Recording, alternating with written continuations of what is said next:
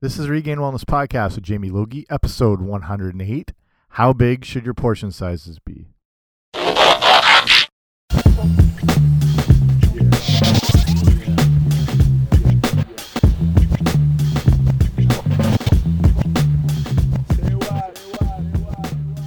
Hey guys, what's happening? Welcome back to the podcast. I'm Jamie Logie. I run regainedwellness.com and you're listening to the Regained Wellness podcast. So thank you so much for joining me here today. If you haven't already, make sure to subscribe just so you automatically get the shows delivered to you each week and then I don't have to hand deliver them to your door to take up all that precious time.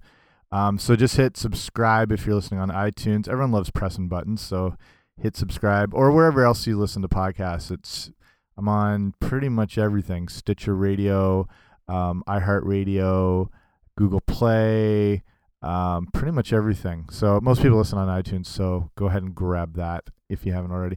Uh, so today I'm talking about how big portion sizes should be. I think that throws a lot of people off as far as how big they should be. I'll talk about if why this is more important than you know looking at calorie content and counting calories. And then also you know top suggestions for um, what each of those portions should be whether it's like protein or fat or carbs and all that stuff. Okay so let's get to it.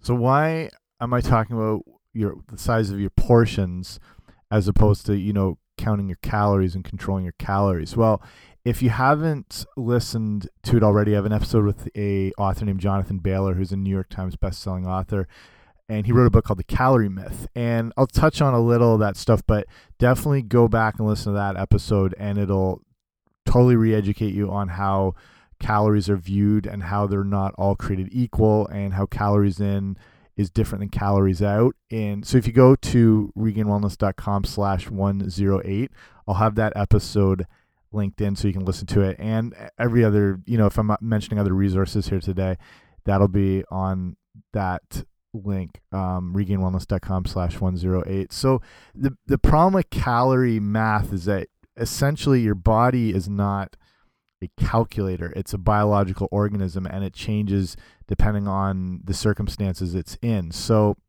say you're eating 2000 calories and then you think you're making use of all those or you're burning off a certain amount but your body changes on a day-to-day -day level and you have no idea how many calories you're actually using and utilizing and your body just because there's a number on a calculator your body doesn't see it that way. It just knows um, nutrition and its energy requirements for that day. So if you've been more active that day if your body is stressed or if it's run down or if um, there's temperature changes or elevation changes or hormonal changes, if you're male, female, all that sort of thing, that totally changes the need um, and requirements for your calories. So, uh, you, you, like I said, your body's not a calculator. You don't just plug into these figures and your body magically adapts to them. There's a lot more that goes behind it. The other thing is you have really no idea how many calories you're taking in. So even if you're think you're absolutely getting them down to the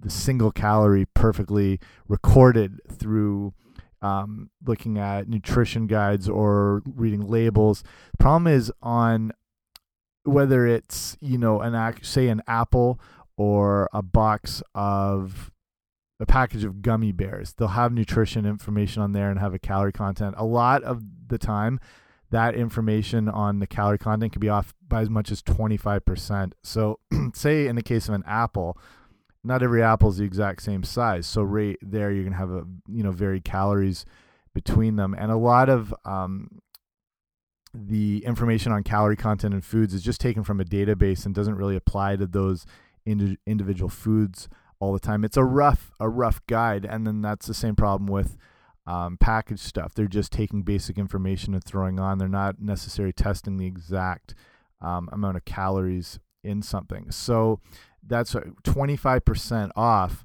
can create absolute havoc, you know, in the body if you're off by 25, you know, percent more calories.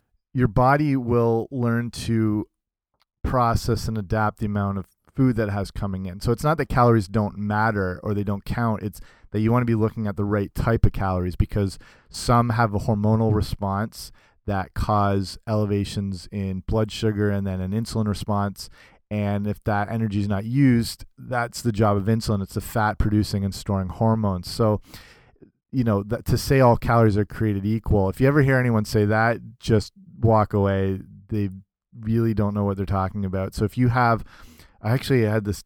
I think it was a. Uh, I wrote an article somewhere, and someone I think it was for Lifehack, and someone chimed in on just having to worry about calories as a number, not with the food sources. And it was just baffling me. I was, saying, I was trying to explain if you have, say, 100 calories in almonds and 100 calories that come from, say, a glass of Coke or a portion of Coke, both of those things are going to have completely different hormonal responses in the body. The Coke is pure sugar along with a lot of other additives that's just going to, like I said, spike your blood sugar, um, create an you know that insulin response it's full of high fructose corn syrup, which you know usually goes right to the liver. Um, it can cause you know fatty liver syndrome, and, and and then basically you have the sugar crash after, and then there's more cravings for more sugar. You know, it's a whole mess. Whereas say 100 calories in almonds are primarily protein, some fiber, and a bit of natural water and some healthy fats that's contained within the almond.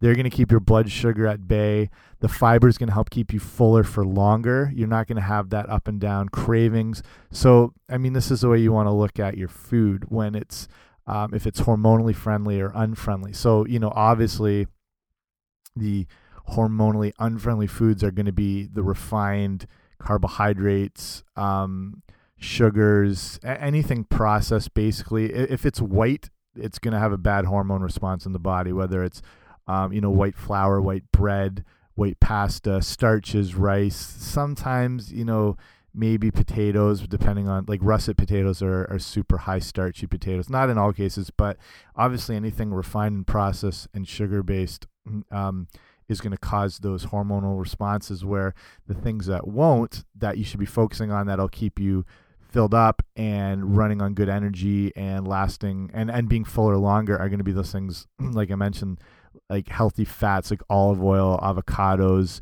eggs, nuts and seeds, good protein, um, all the green leafy vegetables you can possibly eat. Um, vegetables in general, preferably green ones. Um, the darker the greener, the better. It's a higher chlorophyll content, a higher phytonutrient content, better minerals. Um, and that stuff again contains those things that keep you full, like fiber, protein, water. Um, and then fruit is obviously good, but you got to be a little more careful with it, depending on if you have um, a weight issue or if you're having um, you know insulin resistance or, or blood sugar issues or, or, diabetes or whatnot. Because a lot of modern fruit is extremely sugary. You know things like mango and papaya and pineapple and whatever. Your best choice fruit wise are going to be the citrus based fruits like um, lemons, limes, oranges, and primarily berry based fruits. So blackberries, blueberries, strawberries, raspberries. Those are your best bet. Green apples are really good too. Um, if a food, if a fruit is extremely sweet, um, it, it, could be causing some of those issues too. It seems weird to to be hesitant about fruit, but it just depends on the situation you're in. So, um, again, it has that natural sugar. It's the release is slowed down in in fruit because it's got you know that natural fiber and in things like pectins and roughages, like natural roughage that helps slow that absorption, but it can still cause that blood sugar spike, especially if it's eaten on its own. So, sorry, if you have those issues with, um, you know, diabetic related issues or you have hypoglycemia, anything like that where your blood sugar can kind of go up and down. If you are eating fruit, try to have something protein or fat based before and it helps slow that um, insulin release. So, you know, whether it's some almonds or walnuts or nut butters, they're really good, and then have the fruit. Um, it's not always the case with the berries and what, like uh, blackberries, blueberries, raspberries. They're a little higher in fiber. Um, yeah, so I like obviously fruit good, but just the right ones at the right time. So that like yeah, this calorie issue is, is pretty crazy. There's a pretty famous book by a guy named Gary Taubes called um, he's got a couple. It's calories in, calories out, or good no good good calories, bad calories. And then he has another one called Why We Get Fat. And it's on this whole issue of, you know, if a calorie is a calorie, you know, why are they creating these problems? And it has to do with that hormonal response again. And um, he goes on in the book, and, and there's information there too. Like most people don't even really know what a calorie is, and they just think it's um, something you got to be aware of or be careful. But in a, a technicality, a calorie is um you know kind of a measure of energy, and it's um, one calorie is what it takes to heat one liter of water by one degree. And the way they figure out calories is they take a it's a kind of like a spectrometer type thing. It looks like a lantern. I'm trying to describe this with my hands, which is obviously not working. But it's basically they take, say it's um, an apple or whatever. They take that food item and they freeze dry it kind of down into a powder. Then they put it in this um, kind of chamber in this if you can picture a lantern that's got water inside it and in the middle it's kind of where the light bulb or whatever would be is this chamber and basically they incinerate it and then they measure the rise in the temperature of the water surrounding it and that's how they find the calorie content in the food is is in the energy so it's basically like they light off this little bomb of this freeze dried food and then see what the response is as far as the temperature rise. So the problem, like I mentioned before, is your your body doesn't incinerate food; it digests food and it processes it processes it. Whoa, that's a hard word to say. Processes it depending on your needs for that day. So, you know, if you've been active or if you've been sitting at a desk all day or if you've just worked out, there's so many different requirements for how your body processes calories. So, this calorie content that's how they get it. A lot of the times it's not even correct. It's off by, like I said before, as much as 25%. So you can see why calorie math is a complete mess and how there's no real way to, to kind of master it. So definitely I read that book if you can. It's one of the the Calorie Myth by Jonathan Bailor, but definitely listen to that episode because he breaks us all down really well. Um, and I don't want to repeat a ton of the information he's uh, gone over already. So that leads us into how to figure out the best portion sizes. So what we're doing today is um, the best guide that a lot of people recommend, and I do too to clients and people I've been training and whatnot is going by your hand size. So that's pretty easy because everyone, hopefully listening, has hands on their body.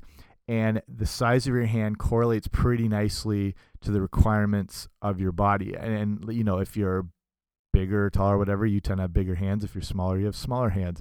There's a bad Donald Trump joke in here somewhere, but I'm, I'm going to leave the small hand thing alone here.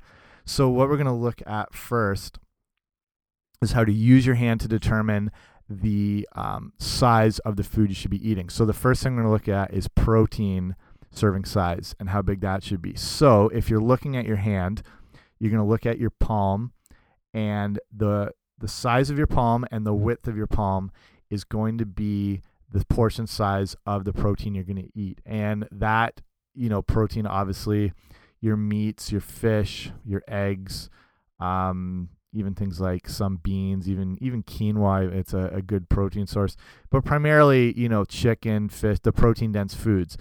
That portion size you want is going to be that size, so your whole palm size and width. If you're a guy, ideally you want to have two of those portion sizes at each meal. Usually, usually men are a bit bigger, more muscle mass, and have a little higher protein requirement. If you're a woman, go for one of those palm size portions at each meal. And again, those are your best bets for protein. And try to find the cleanest sources possible. Um, I covered this a bit last week in the episode I did on supermarkets and where to get the best sourced food. And you know, when you're getting the the grocery store, the big chain supermarket proteins they tend to come from inferior sources like they tend to come from cows that are feedlot confinement based animals that have been pumped full of hormones and you're eating basically something that's not even a, a true natural animal at that point. It's been just altered so much and the meat is is potentially so polluted again with all those hormones and they've been over fattened and whatnot. Um, you want to look for if you can the best if you want the best suggestion on proteins is you want the true grass fed, that's grass finished, hormone free type um, beef. Same thing with chicken. You want free range, hormone free. You just want, if you eat a sick animal, you might get sick too. So you want to eat the cleanest source possible. So that's what you're looking at for a portion of protein. So next, your vegetable intake. You want to go for so you're looking at your hand again. You want to go for a fist size. So that whatever um, you're eating as far as vegetables want you want it to be around the size of your fist and at each meal you want to have around two of those um, uh, portion sizes of vegetables so your best bet like i was mentioned before green based vegetables spinach kale um, broccoli um, dandelion roots any like i said the darker the green the better um, then you know even those spring mixes can be okay. I I would avoid salads that are you know those crappy bag salads and the salad looks pretty much white. Um, there's not a lot of they're like crunchy, watery. It, that's pretty much what it is. You may as well have a glass of water instead of those. You want the deep, deep, dark colored um, greens. So again, yeah, like you know carrots, all all the all the good vegetables. Go for for men and women two of those fist size portions with each meal. So, next we'll move on to carbohydrate intake. So, remember, as much as we think about like grains and starches as being a carbohydrate intake, and they are, you're still getting carbohydrates from you know those vegetables and from fruits. So don't think it always has to be um, a starch based carbohydrate for your intake. And then a lot of this, again, depends on your activity level. If you are, say, in the morning, if you know you're going to a desk job where you're sitting for eight hours, you probably don't need that many carbohydrates first thing in the morning. Um, you're not going to be expending a lot of that energy. Uh, if you were, if you do work somewhere where it's, you know, maybe you are at a desk, but you're up and down, and then you're running stairs to different floors or offices or whatnot, you can have a bit more. But in the morning, if you're looking to, you know, de decrease body fat and you know you're going to be sitting for quite a while, I would taper down the carbs in the morning and focus more on protein and good fats in the morning um, as your breakfast. And then say you are active and you want to be, and you are working out, but you work out later in the day, that's where your, you know, your lunch or your pre-workout meal, that's when it can contain the carbohydrates. So your best bet carbohydrate wise you know whether it is grains or starches is going to be things like sweet potatoes um, brown rice ideally wild rice which is easier to find now in a lot of bulk food stores and any of those type there, there's different combinations of um, rices depending on where you live on where you live and they have um, you know they might have some like pearled barley in it and where i eh, live in ontario i can get this rice from the west just this kind of Saskatchewan, um, Western Canada prairie rice, which is is black. It's it's denser. It's a little more nutty. Anything like that, I, would avoid white rice. Even some of the brown rices out, out, out there aren't that good. Look for wild rices, um, and things like that. Like I said, sweet potatoes. Some some potatoes could be good. I mentioned watching out for the higher, you know, the fluffier baked type potatoes. Those are a, a kind of a high glycemic item. And then again, like quinoa, is a, is a really good um, carbohydrate source with a really one of the few vegetarian sources that has complete protein in it. So that's really interesting. And then also again, that's where your fruit comes in. That's still considered a carbohydrate source. You know, the berries, strawberries, blueberries, blackberries, all that all that stuff. So portion size if you're trying to figure out how much how many carbohydrates you should have at one meal you want to take your hand and cup it and what you could fit in there is going to be your carbohydrate portion. So for men, again, if you're more on the active side, you want to have two of those cupped hand size portions at each meal. And for women, one cupped hand. And again, the depending on where you're at in your health and your fitness and whatnot, or if you're still trying to lose weight or you know whatever, that's what's going to determine the ideal carbohydrate source in that meal. So it doesn't have to be like the two cupped hands of say sweet potatoes. You could have one cupped hand of sweet potatoes, like if you are trying to lose weight, and then the one hand could be the mixed berries, and that's going to be your other carbohydrate source at that meal. If you're more active, um, if you're playing sports, if you're looking to put on muscle, if you're training hard in the gym, then you can go for the two um, more the grain starch based um, cupped hands at at whatever meal, and then the one for women, and you can go with that um, whatever carbohydrate source you want is in, in the starch category. So next we'll look at fat intake. So your your best bet for fat, um, like I was mentioning earlier before, are those things like olive oil, coconut oil is awesome. Um, butters, butters can if you can get a really clean, natural, organic butter, they're not bad. It, you know, butter's something we've eaten for quite a while, and people have done okay on it. It's it's when you start you know, I would avoid margarines, vegetable oil, stuff like that, that they can create inflammation in the body. They're high in like omega 6s, and, and a lot of these things they find actually can be quite rancid because they're um, like with vegetable oils, they add in a lot of um, not not dyes, but almost like perfume type things, which can mask the degradation of the oil. And the larger the container it is the worse the the content can be because uh, it could be exposed to more oxygen the natural breakdown. Same thing with olive oil actually. As good as olive oil is don't buy those giant vat costco um, variety olive oils. They're so big.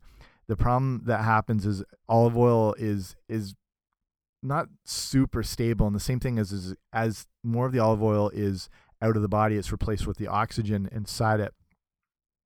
And that oxygen breaks it down and it becomes more rancid. So you want to have smaller um, containers of olive oil. And ideally, if you can find it, it's a little bit more, but I think it's worth the money, like those specialty olive oils. And if you can find olive oil stores, which are now more popular, where they have different, you know, infused olive oils and you can buy, you know, matching really good balsamic vinegars. Um, and they should be in a, in a, in a super dark type bottle so they just won't get exposed to as much oxygen and and air and they do this with wine now it, the same thing with wine is it when the oxygen say you have a full bottle and it goes down to a half bottle the oxygen in there can break down the wine a lot quicker not just spoil the, the the taste and the aroma and the bouquet and all that stuff that comes with wine but it um, just breaks it down and and can turn it into you know vinegar sometimes like that. So you just don't get the lifespan out of a bottle of wine. So what a lot of restaurants do and i've worked in some that do this is they have um, these if they're selling all uh, sorry wine by the glass and not using the whole bottle and say you have a, a bottle of a decent whatever and you pour only two glasses you still have you know quite a bit in that bottle. You don't want to you know, it's maybe with red wine, it's maybe got a couple days at its top quality. And with white wine, if you keep it refrigerated, you can, you know, maybe stretch it to four or five days. But you don't want to get rid of it. So they've created these um, machines. They're like it's kind of like a wine preservation system. And it's where they hook up the bottles with this kind of topper. And what it does is it fills the bottle with nitrogen. So, and it also acts as a dispenser. So you can put the glass under. It almost looks like a, a soft drink thing at McDonald's. And you can hit the bottom, or sorry, hit the button. It'll pour out the perfect measurement. And as that oxygen is starting to go in, instead of um, it, you know, taking over that empty space, the nitrogen is pushed into the bottle. That helps the um, dispensing process, and then the nitrogen stays in the bottle and it preserves the wine. And in a lot of the cases, especially with the red wine, you can that nitrogen will keep that bottle say it's like half full or whatever for honestly up to three months and it's still as good as the day as you opened it. So that that's the problem with oxygen and how it breaks down food. I didn't mean to talk this much about oxygen but here you go. And that's the problem with the olive oil is you don't want those big bottles because it spends more time exposed to the oxygen which breaks it down and degrades the product. So try and get the specialty ones in the smaller um, the smaller containers. So that's a really good healthy fat choice. Like I said, nuts and seeds are all awesome. And to determine your fat intake, the best uh, portion size way to go is to take your thumb from the tip of your thumb um, down to not all the way down to where your wrist is, but down to where your thumb kind of meets your hand, you know, when you bend it in and then your knuckles down there. So that size, that's what you want your fat portion to look like, whether it's like, you know, a bunch of almonds or you know it's a little harder with you know say with a liquid like olive oil or whatnot but you can get an idea of of how much volume that would be nut butters are really good too like almond butter cashew butter stuff like that um, and roughly around that size so for men two of those thumb size portions with each meal would be good and for women one of those thumb size portions will be um, ideally the right portion size for your body. So again, this is a rough guide, but a pretty good jumping off point for someone when they're, you know, as a as a quick takeaway. Um, when I coach people, I do on if you're in, interested in this, uh, I do online nutrition health coaching.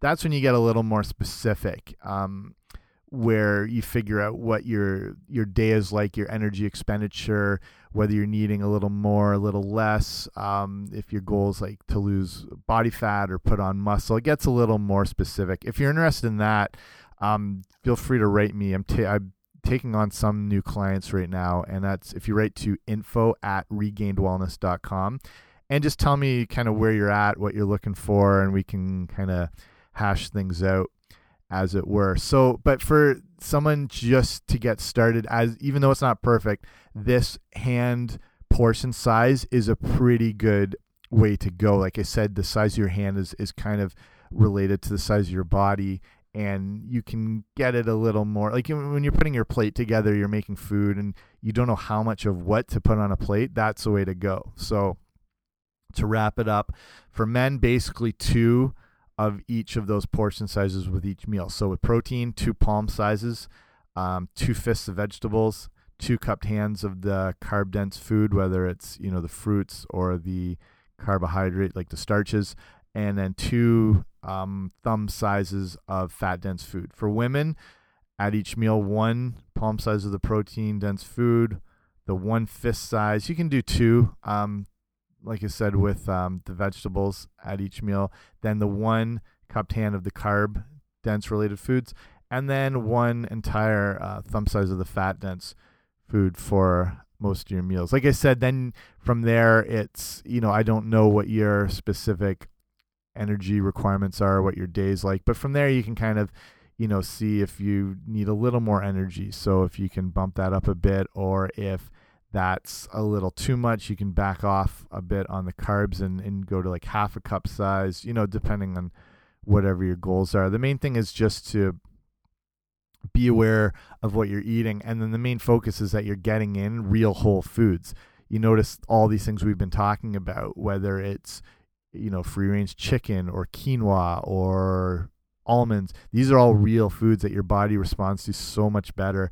Um, we're not talking about big slices of bread here or um, you know a half a bag of chips or so, you know the things that are going to create those problems in the body. The more you stick to those real whole foods your body that your body recognizes um, it's more able to make use of those keep things hormonally at bay um, function better. It's going to get all those nutrients it needs and it's getting all those macronutrients too but like also things like the the fiber and the healthy fats and the water and you're not going to be as hungry as often. So that's that's the main thing is not just get the right uh, portion sizes, but make sure it's from the right food choices too. So how about we cut it off there? That's a good place to stop. Like you said, if you want more info, if you're looking for maybe one-on-one -on -one type coaching, write to me at info at regainedwellness.com. And then uh, if you want to see, you know, a little more on the the things I was talking about and the resources and that other show on more information on calories. If you go to regainedwellness.com slash 108, I'll link up all those things and then I'll, I'll, I'll list out the, um, how, how big the portion sizes should be. So I'll just list it out again. So I'll put like for protein, palm width and the cup hand, just so it's right there if you want to double check it or I forgot what I had said through the whole thing. Okay. So thank you for listening. Like I said, if you haven't already subscribed to the show, if you really like it, leave a rating and review. That makes uh, it more available to more people. And feel free to share it if you want to. And I think I'll cut it off there. Thanks for listening. Talk to you soon. Bye.